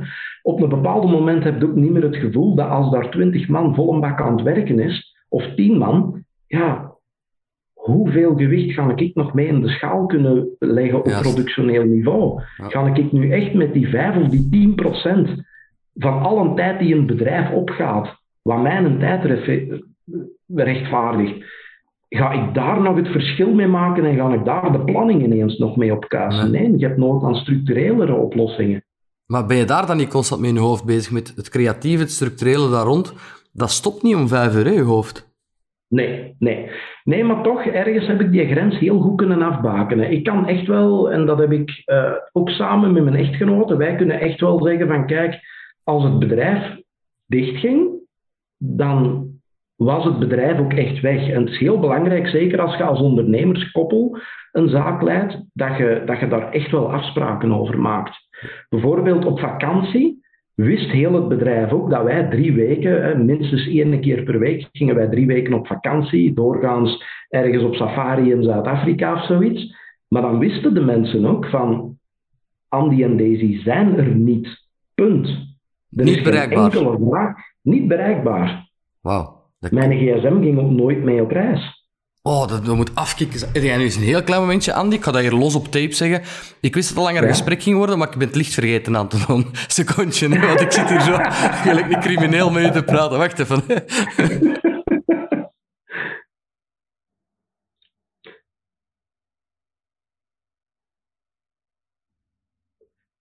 Dat Voilà. is nu wat ik zo geweldig vind aan deze podcast. Ja, nu zie je tenminste met wie je gaat praten. Zijn. Maar in het begin, eh, Christophe, is dat echt gewoon, je voelt je eigen. Ik heb me echt drie maanden gelijk een junk gevoeld die dat moest afkicken. Toch? Letterlijk, toen dat ik die beslissing heb gemaakt, ik werkte gemiddeld 90 uur per week en dat ging dan ineens naar 55, 60. En dat was letterlijk s'avonds in de zetel zitten, s'nachts zweetaanvallen krijgen. Ja. En vanuit het gevoel, mijn bedrijf is kapot aan het gaan. Ik, ik, mijn bedrijf doet het niet meer goed, er is te weinig werk. Er is, wij gaan failliet gaan, hè. Oh, dat is herkenbaar. Echt zo'n horrorbeelden die dan door je kop gaan, dat je denkt van, alleen man. Maar het is pas als je daar dan door bent, dat je bij je eigen echt wel beseft van, hoe ongezond ben ik hier bezig geweest. Ik ben garantie, garantie, elke vakantie, de eerste week heb ik drie, vier dagen barstende hoofdpijn, zweetaanvallen s'nachts. En dat is niet omdat ik dan denk van ik ga failliet gaan, maar gewoon mijn lijf is aan het afkicken van Ja, de regelmaat van werken gedurende de periode daarvoor. Dat is ziekelijk, hè? En dat decompressen, dat is op zich goed. Dat moeten we ook hebben. Eh, Ik doe dat bijvoorbeeld ook als ik een seminar gedaan heb. Als je een paar dagen seminar heb gegeven, van s morgens tot s avonds. Ja goed, dan, dan kom je nadien ook thuis. Ja, dan ga ik echt gewoon wel eens een dag gewoon niks doen. Dan moet je echt gewoon even decompressen en terug op dat normaal ritme komen. En dat, dat mocht je je eigen ook gunnen. Ja. Maar wat dat niet gezond is, is dat je op vakantie vertrekt, een week ziek bent omdat je uit verbinding bent met je bedrijf. Dan uh, continu uh, aan elke tafel en elke strandstoel uw mails gaan checken, op zoek naar een uitvlucht die dan toch maar meer rechtvaardigt dat je je eigen weer zinvol kunt maken om weer maar iets vast te pakken. Want dan zijn uw eigen gewoon echt de decor aan het inrijden. Dan zijn uw eigen gewoon aan het kapot maken. Ja. en het grappige is, en wat dat dan de motivator zijn. Hè? Ja. Mijn bedrijf is harder beginnen groeien en rendabeler geworden, jaar na jaar na jaar, nadat ik die stap heb gezet. Dan, Want dan kun je de schaal gaan pakken. Dat kraakt je ego nog eens. Inzicht. dan, dan is Heel belangrijk. Ja, dat snap ik, maar dan is je ego er ook nog eens aan, dat zonder u veel beter gaat. Maar ik vind dat juist het schoonste compliment dat je als ondernemer kunt hebben. Zeker, zeker. Dat je een, een wat mensen in elkaar kunt steken die gewoon, ja, met hetgene wat dat jij ooit in het leven hebt geroepen, die dat, die dat daar gewoon hun eigen ding van maken, die daarmee verder gaan. Dat vind ik gewoon het schoonste compliment. Ik denk dat dat ook het verschil is tussen een zelfstandige en een ondernemer. Ja. Een zelfstandige heeft dat nodig om in de spotlight te staan in zijn bedrijf. Ja. een ondernemer staat aan de zijlijn. Ja, ik denk dat er zelf... je hebt ook ondernemers aan de zijlijn met, heel veel, met zoveel angst dat ze bij het minste ingrijpen. Want ik, ik kan dat bijvoorbeeld niet begrijpen als er een, een out of office terugkomt. Ik ben twee weken op vakantie, ik ben niet bereikbaar. Niet. Dan denk ik van, oh, mhm. dat, dat zou ik niet kunnen. Want... Ja, ik had dat opgelost. Hè. Uh, daar zat iemand voor hè, die mijn mails behandelde. Hè. Dat is iets anders, ja. En voor 90% van wat in mijn mailbox kwam, zijn er procedures en systemen. Dus mensen wisten wat ze ermee moesten doen. En die 10%, hè, wel als die zo levensbedreigend is, hè, ofwel gaan de mensen u helpen die op die moment u kunnen helpen. Maar ik kan vanuit mijn Safari-lotje, waar dat ik geen wifi heb, kan ik uw probleem niet fixen. Hè? Nee, dat klopt. Dus ik ga er ook mijn eigen geen week ziek over gaan maken op die moment. En dat moet ik gewoon kunnen loslaten. Ik heb ik heb twee grote ambities in mijn leven. Ehm, professioneel wil ik mij zinvol maken voor en ondernemers helpen in Vlaanderen en misschien ooit nog wel daarbuiten. Privé heb ik altijd iets willen doen met, met wildlife, met dieren, met natuur. Uh, vroeger dacht ik wel eens van ooit ga ik vrijwilligen in zo'n natuurhulpcentrum of zoiets. Uh, vandaag doneer ik dankbaar aan die centra en aan de andere kant heb ik dan in plaats van met dieren bezig te zijn gewoon een bos gekocht. Oh ja. Maar letterlijk... een bos. ja, letterlijk, ja. Nee, achter mijn huis, mijn tuin is een paar hectare natuurgebied zal ik zeggen, die ik hier heel dankbaar heb, heb kunnen aankopen. En die ik ook echt aan, aan het beheren ben om daar ooit een stukje schone natuur kunnen na te laten als ik er niet meer ben. Mijn vrouw en ik kiezen heel bewust van geen kinderen te hebben. Ja. Ehm, maar in het weekend, ah, zalig hè. Ben ik om zes uur, spring ik uit mijn bed, ik spring in mijn broek, ik ga ik naar mijn bos, liefst eerst in die broek, dan ga ik naar mijn bos en ik begin ik daar wat, wat te prutsen en, en wat bomen om te zagen en, en wat dingen in elkaar te steken en, en die habitat te beheren. Uh, meestal dan ook nog luisterend naar een goede podcast. Ik heb de eerste aflevering die ik van jullie ooit geluisterd heb, was dus in mijn bos. Dat ga je vanaf nu, mental picture, nooit meer uit je verstand krijgen. Zit erin. Zit erin. ja, dat is fantastisch, maar, uh, Ik heb die balans gewoon nodig als mens. Ja, ja, dat is waar. Het eerste bos dat ik kan, kan kopen is een bosje bloemen voor mijn vrouw. Maar voor de rest, uh, voor de rest is langs de zijlijn niet veel te doen. Hè? nee, dat van... is plezant om, om te doen. Ah, heel leuk. Uh, zo zat ik dan vorig jaar uh, ja, ineens met een lege agenda dus als spreker. -huh. wel met de intentie met een aantal goede verhalen op mijn pad om misschien in mee te springen.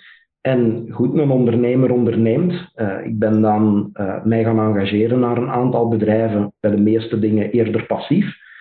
En bij één bedrijf ben ik daar dan ja, wat actiever mee opgesprongen.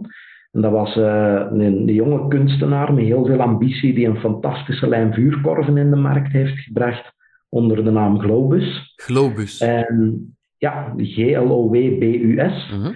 En um, ja, die jongen die, die deed dat. Ik herkende in hem heel veel. Andreas noemt je kerel. Ik herkende daar heel veel in van hoe dat ik zelf ooit als zelfstandige bezig was. Vol passie, maar heel klein denken. Ja. ja. ondertussen als ondernemer ben ik dan, heb ik er mijn levenswerk van gemaakt en mijn missie van gemaakt om zelfstandigen onder hun kerktoren uit te jagen, als ik het zo mag zeggen.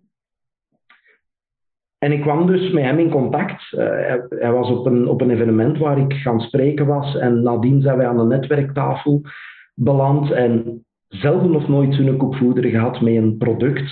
Mijn marketinghart maakte zeven sprongetjes op die moment. En toen ik dan thuis zat, kwam ineens de vraag vanuit die hoek van, zeg Andy, uh, ik ben volledig mee dat ik dit veel grootschaliger moet gaan aanpakken om dat potentieel te bereiken. Want op die moment was dat, ik maak ze in mijn garage, ik zet er een naast de straat en als mensen het zien, gaan ze misschien wel willen kopen. En we hebben dan ook nog een website waar dat we af en toe misschien ooit wel eens een, een bezoeker op terecht krijgen. Ja. Um, en ik had hem eigenlijk op die moment al gezegd van kijk, je moet dit echt internationaal gaan aanpakken. Je moet er echt verder mee gaan, want je hebt hier een, een veel te fantastisch product. En eigenlijk herinner ik me nog dat ik tegen Andreas zei, zou ik willen dat je eens een keer nadenkt want hij had daar toch wel wat, wat weerstand in en dat groeien, iets wat ik ooit ook echt wel jaren gevoeld heb. En ik heb hem toen eigenlijk gezegd van kijk, ik zou willen dat je eens een keer nadenkt en eens gaat wakker liggen over hoeveel mensen dat jij het geluk ontneemt om van je product te genieten door de schaal waarop dat je vandaag denkt en werkt. Dat is mooi. En ja, een paar maanden later ging dan mijn telefoon van, ah wel, ik ben volledig mee, maar ja, ik weet niet hoe. Hoe pak ik dit vast? Hoe begin ik eraan? Ja. Ik heb dan een voorstel gehad om mee te stappen in dat bedrijf. Ik ben dan mee als aandeelhouder ingestapt. We hebben dan alles gestript, van, behalve het product en de filosofie die, die, die Andreas had rond zijn product. Heel dat verhaal haarscherp gezet en dan onmiddellijk de internationale markt opgegaan. Via internet dan? Uh, nee, uh, distributeursnetwerk. Okay. Uh, zorgen dat die collectie in de showrooms komt. Um, uiteraard speelt het digitale daar een grote rol in, hè, maar het is ook het werk doen dat weinig mensen vandaag nog willen doen om schaal te pakken. Uh, zorgen dat er iemand is die van s morgens tot s avonds de telefoon vastpakt en prospecteert. Dit was jou? Uh, hoezo? Was jij dat? Ik uh, doe daar toch nog wel een stukje in, ja. Okay. En ik heb die, die basis toch inderdaad ook wel meegelegd. Ja. Ik ben op een bepaald moment zelfs mee staal gaan sorteren, 12 ton staal mee gaan sorteren in een atelier. Ik ben iemand die graag met zijn botten in de klei staat. Zo het passief investeren zegt mij minder. We doen dat wel, mijn vrouw en ik. We zijn heel actief aan het beleggen in tech-aandelen op de Nasdaq. Uh, en dat is elke dag spelen. Hè. Maar als ik hier echt instap in een bedrijf, ja, dan wil ik ook elke hoek van dat bedrijf gezien hebben. Ik vind het mooi dat je het dan... zegt, omdat velen zouden zich inkopen en dan zeggen wat er moet gebeuren, maar het zelf gaan prospecteren, het zelf het ijzer gaan uh, sorteren, dat zit er niet meer in, maar dat doe je nog wel. Dat vind ik wel heel knap.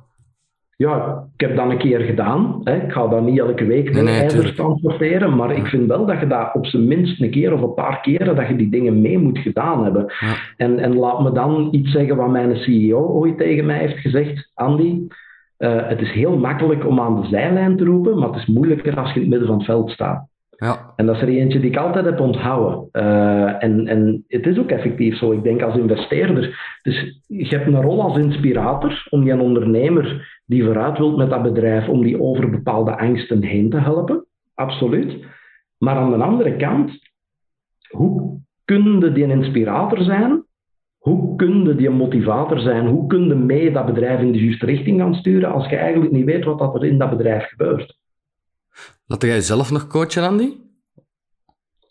Hoezo? Laat jij jezelf nog coachen? Ik uh, heb mij altijd omringd met mentors. Altijd. Okay. Um, ik ben uh, helemaal in het begin een aantal heel waardevolle mensen tegengekomen die mij gecoacht hebben.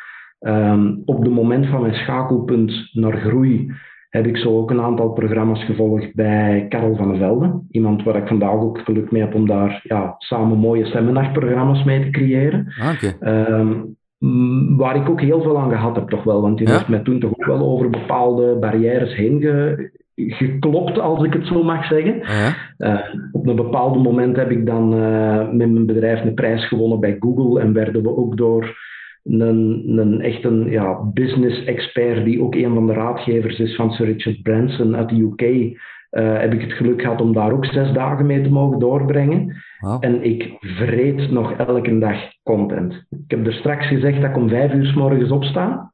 Uh, mijn dagritueel begint met een uur, meestal drie kwartier, veertig minuten lezen of audioboeken beluisteren. En dan 20 minuten, 25 minuten neerpennen wat dat voor mij de kerninzichten zijn en uh, hoe dat ik daar iets mee kan doen. Wauw, en dat neerpennen doe je omdat je het dan niet zou vergeten. Ik bedoel, laat me het anders zeggen, als je het opschrijft, of de kernwaarde ervan opschrijft, blijft het langer in je geheugen zitten. Ik ben een, ik ben een schrijver, ja. ja. Ik ben echt een schrijver op dat vlak. En ik vind dat ook heel belangrijk trouwens, en dat is ook iets wat ik iedereen echt wel kan aanbevelen. Ja, ik heb mijn, mijn klok gaat af om vijf uur, half zes morgens. Ja, dat is zot, uh, Ik zet mijn wekker trouwens niet, hè. Ah, ja. Uh, ik, ik, zet al, al drie jaar mijn wekker niet meer. Uh, ik doe dat niet, maar mijn biologische klok die heeft ook ergens een ritme gevonden. En ik, ik ben een ochtendmens. Uh, S'avonds om tien uur lig ik te slapen op de zetel. Dat is dan de keerzijde daarvan. Natuurlijk. Maar, dus je gaat moeten zien dat je mij zo'n gaat wakker houden als we nog even doorgaan. Maar, uh, nee, maar aan de andere kant uh, is het wel zo dat die, die, ja, die een ochtend, ik kan daar enorm van genieten om mezelf productief te voelen. En zeker dan op een, op een, ja, op een macroniveau, waar dat ik dan het gevoel heb van ik ben hier inzichten aan het kneden, ik ben eh, nieuwe grote lijnen aan het uitzetten voor mezelf. Echt high-level stuff. Niet van mailbox induiken en probleempjes oplossen. Daar, ja. ja daar word je niet blij van als eerste taak. Maar ik vind dat heel belangrijk voor mezelf om de zon voor te zijn. Het kan heel belachelijk klinken, maar ik ben de meest gelukkige mens als ik s morgens kan starten een audioboek beluisteren, wat dingen neerpennen, al een aantal zaken doen en dan gaat die zon aan, dan begin ik de dag met het gevoel dat ik al twintig nieuwe stappen heb gezet vandaag, terwijl dat de rest nog als een dag moet beginnen. Dat verstaan ik. Dat begrijp ik echt, ja. Zeker als je een bos hebt waar de zon van achterop komt. Dat snap ik helemaal. Voilà. Maar ik, ik ga het niet te lang niet meer trekken aan die... Uh, nee. Want we zijn al heel ver in de podcast en ik kan met u nog uren praten, dat voel ik zo. Maar ik wil toch eens weten, je bent nu begonnen over uw, hoe uw dag start, om vijf uur. Hoe, hoe ziet de rest van uw dag eruit? Wat doe jij nu nog buiten geld opdoen, Andy? Uh, nee, ik doe, ik, doe, ik doe niet meer op als van tevoren, hè, voor alle duidelijkheid. Nee. Uh, ik, ik heb daar ooit iemand horen zeggen, geld moet kindjes maken. Uh, dus vooral slim beleggen en, en, en daarmee aan de slag gaan. En twee voetjes op de grond blijven. -huh. Nee, ik, hoe ziet mijn dag eruit? dat is gigantisch variërend. ik, ik sta op, ik, dat heb ik al verteld. Ik, ik ga meestal als ik dan aan mijn bureau beland, ik werk trouwens altijd vanuit mijn thuiskantoor. Ik heb uh, er een punt van gemaakt om in geen enkel bedrijf waar ik nog actief ben een bureau te hebben. Uh, ik zal daar wel binnenwaaien op het moment dat dat nodig is. Maar voor de rest werk ik liever van op een afstand, thuis, in alle rust. Mensen die mij moeten kunnen bereiken, die kunnen mij bereiken. En voor de rest helpt mij dat gewoon om drie keer zoveel te doen op een dag, omdat er geen mensen zijn die constant uw tijd komen stelen. Ja. Um, meestal, uh, ik kan niet zeggen van, heb je dan op een bepaald moment van de dag dingen die je doet en die je bewust daarin plant? Zeker niet. Smiddags durf ik wel eens inderdaad een keer eens een boswandelingetje gaan maken van een half uur en dan ben ik terug helemaal opgeladen. Ja. Dan duik ik terug in mijn dag.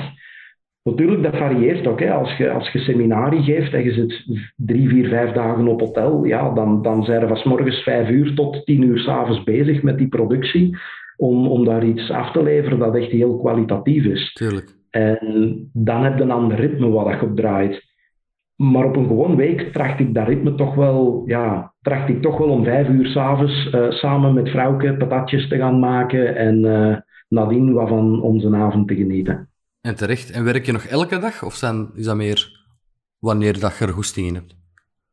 Goh, ik, ga, ik ga wel zeggen, af en toe nemen wij wel eens een voertuig. Hè. Uh, ja.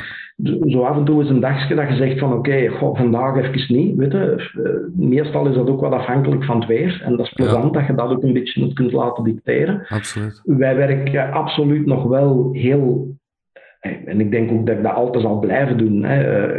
Je werkt wel volgens een bepaald ritme. Ik werk ook nog absoluut vijf dagen in de week. Ik hoorde onlangs ergens een podcast met iemand. Ik vond dat wel heel amabel. Die man had op zijn, op zijn 35 of zoiets beslist van en nu werk ik nog vier dagen in de week. Die had zo'n beetje hetzelfde inzicht als ik, van als ik er niet kom met zoveel tijd, dan zal het in meer ook niet lukken. Ah. En die had er dan een heel inzicht rond gecreëerd van, kijk, als je vrijdag al kunt stoppen met, met werken en je kunt dan je, je, je, gazon afrijden en doen, dan heb je tenminste twee dagen weekend en dan heb je een dag dat je kunt rusten en op zondag kun je dan beginnen ziek maken over de maandag. ik vond dat wel een interessante. Uh, dat doe ik voor alle duidelijkheid niet. Hè. Mijn werkweek is vijf dagen. Uh, maar vrijdag stoppen wij inderdaad wel op tijd. En dan is zo het ritueel, dat was het vroeger ook al en dat is gebleven, is het ritueel van samen naar de, naar de winkel boodschappen gaan doen. En dat was dan zo de tijd dat ik nodig had om te decompressen van mijn werkweek. Maar Gille leeft zo eenvoudig in de Kempen. Het is zo schoon om te horen. Hè? en doe er nog iets aan sport aan die? Ik heb mij laten uh, vertellen dat jij...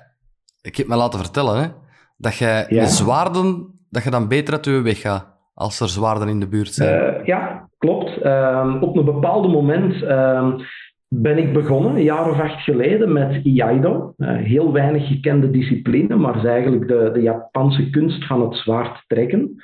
Ehm, dus in de praktijk uh, wordt er dan getraind met echte zwaarden, huh. maar niet op tegenstanders. Het zou een beetje ja, anders uh, met, met leden die dan constant uitvallen en zo. Dat is een beetje moeilijk in het clubverband. Maar uh, nee, dus uh, je bent dan effectief.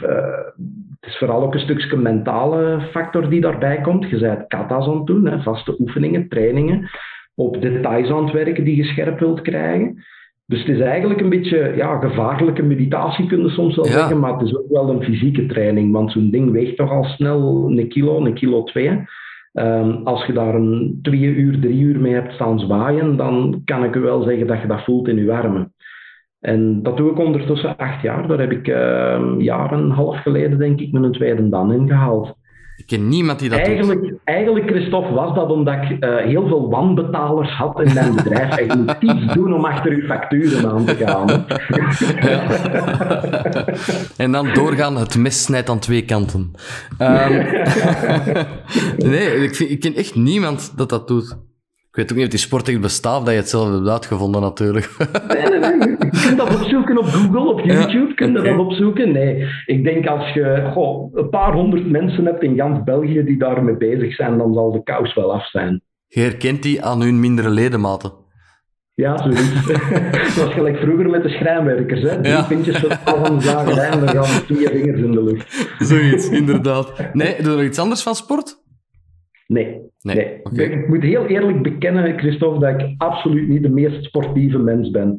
Ik ben zo'n paar keren begonnen met te gaan lopen, ja. uh, op sleeptouw genomen met andere mensen, en dat heb ik dan zo gaandeweg. Ik denk dat de meest succesvolle poging mij zo op drie weken heeft gebracht ja. of zoiets. Dat hoeft ook helemaal niet, Andy. Trouwens, lopen is saai, nee. ik snap het. Maar als jij een hele dag bezig bent in je bos, hè, bomen staat te zagen en zo, dat is ook een manier van sport en ontspanning natuurlijk. Voilà. Ik probeer maar te zoeken. Voilà, je voilà. En waar ik wel op let, is toch wel gezonde voeding. Ja? Uh, dat wel. Dat wel, ja. Daar, oh. uh, daar probeer ik toch echt wel op te letten. En dat vertaalt zich in, in uh, slaatjes en, en geen frieten? Of sushi gesneden nee. met je zwart? Nee, één keer per week absoluut frieten. Maar ik eet al goh, 15 jaar ongeveer, denk ik, geen vlees meer. Wel hoor, vis, maar geen vlees. Dat hoor ik ook meer. Ja, wel, bij mij is dat ooit samengekomen op het moment dat ik dus uh, in die periode zat van vlak voor groei. Dat ik zei van ik had lichamelijke probleempjes die ik begon te krijgen. Dat was ook met stress. En ik begon ontstekingen in mijn, in mijn keel te krijgen. Okay. Um, en dat is iets gelijk astma. Je raakt daar eigenlijk nooit meer vanaf, maar je kunt dat heel goed onder controle houden. Um, ja, dat is ambetant, hoor ik u al denken als professioneel spreker. Uh, nee, ik heb er vandaag helemaal geen last meer van, maar ik ben toen op mijn voeding beginnen letten en dan heb ik dat echt helemaal onder controle gekregen. Straf. En ja, ik heb mij ook gewoon toen fitter beginnen voelen. Dat, ja, dat, dat, dat werkte wel voor mij en ik heb dat gewoon volgehouden. Ja, het schijnt dat uw darmen veel minder moeten werken ook, hè, om dat allemaal te verteren. Ik heb er al veel gehoord. Ja. En, en alcohol, uh, ben je daar nog mee ja, ik kan soms s'avonds ja. toch wel eens genieten van een goed glasje whisky of zo. Ja, dat, dat, dat lukt wel eens een keer. Dat ben ik nu al heel een tijd aan het denken. De luisteraars zien het natuurlijk niet, maar je zit daar in zo'n gezellige stoel Je moet juist toch een glasje whisky hebben, een witte kat op, in, op uw schoot, een sigaar en de, de badjas van Hugh Hefner en je bent klaar. Als we dit ooit nog eens doen, zal ik hem aandoen. Hè? Oh my god, ik al. Oké, ik ga stilaan afronden, Andy, want mijn PC kan hier niet al die uh, CPU-gedoe aan. Uh, ik, je hebt hem al gezegd. Nee, je hebt een tip gegeven aan anderen. Welke tip zou je nu aan jezelf geven als je vandaag terug zou starten? En het mag niet zijn ervaren mensen aannemen. Ah, oh, je hebt er twee zitten in je hoofd, hè? Dat is niet eerlijk. ik wil twee tips. Nee, nee, nee. nee, eigenlijk, ik, ik moet zeggen, uiteraard. Ik heb er straks, die eh, van er straks kwam er even tussen gefietst. Uh, maar ik moet eerlijk zeggen, ik heb, ik heb op voorhand ook wel over deze vraag nagedacht. omdat ik wist dat die ging komen. Uh -huh. um, maar wat zou ik anders gedaan hebben? Eigenlijk niks. Ik zal zeggen waarom. Omdat uiteraard, ik heb heel veel shit gehad op mijn pad. Ik heb heel veel tegenslagen, alleen tegenslagen, obstakels moeten overwinnen. Hè. Laat me het even in de juiste vorm zetten. Onge ongetwijfeld gelijk elke ondernemer en iedere luisteraar die nu aan het luisteren is. Maar moest ik dat niet op mijn pad gekregen hebben, dan had ik vandaag niet geraakt waar dat ik ben. Het is door die zaken te incasseren dat je gewoon ook een sterkere persoon wordt, dat je een betere ondernemer wordt ik zou gedacht hebben om te zeggen: Goh, minder, minder lang twijfelen in het begin, sneller voor die groei durven gaan. Ja. Want ja, waar had ik vandaag gestaan als ik niet eerst negen of tien jaar geleden een zelfstandige op mijn bureau zonder medewerkers had zitten sukkelen? Maar ik heb in die negen à tien jaar wel het fundament gelegd van alle kennis die dat ik nu vandaag nog elke dag kan toepassen. Oké. En ik, weet niet of dat ik dat had gehad, moest ik sneller voor groei zijn gegaan. Ik zal u het anders vragen. Want ik snap wel wat je zegt, en dat is ook waar. Ik ga mezelf mee in beeld brengen. Sorry.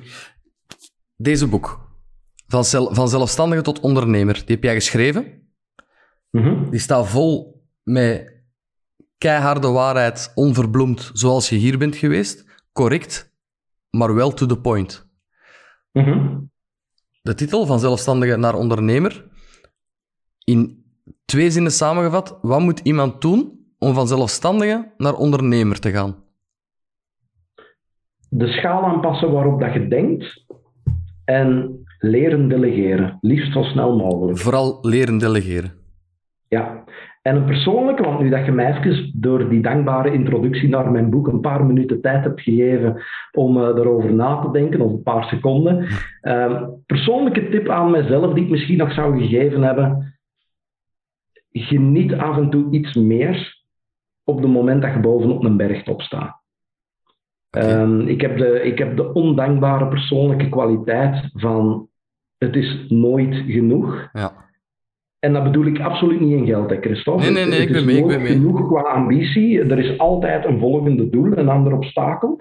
En mijn vrouw maakt mij daar heel vaak attent op. Van Andy, je moet soms echt eens leren genieten in het moment. En ook eens genoegen nemen met hetgene wat je al hebt gedaan. Ja.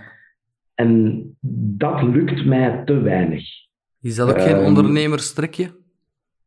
Ik denk het wel, want ja. hey, ik denk dat je, kijk, als je morgen op die molshoop opstaat en je zegt daar al van, kijk, het is genoeg geweest en wauw, het uitzicht is hier al mooi en daar stopt de ambitie, ja, dan denk ik dat je beter je btw-nummer terug kunt gaan inleveren. Ah, wel, voilà.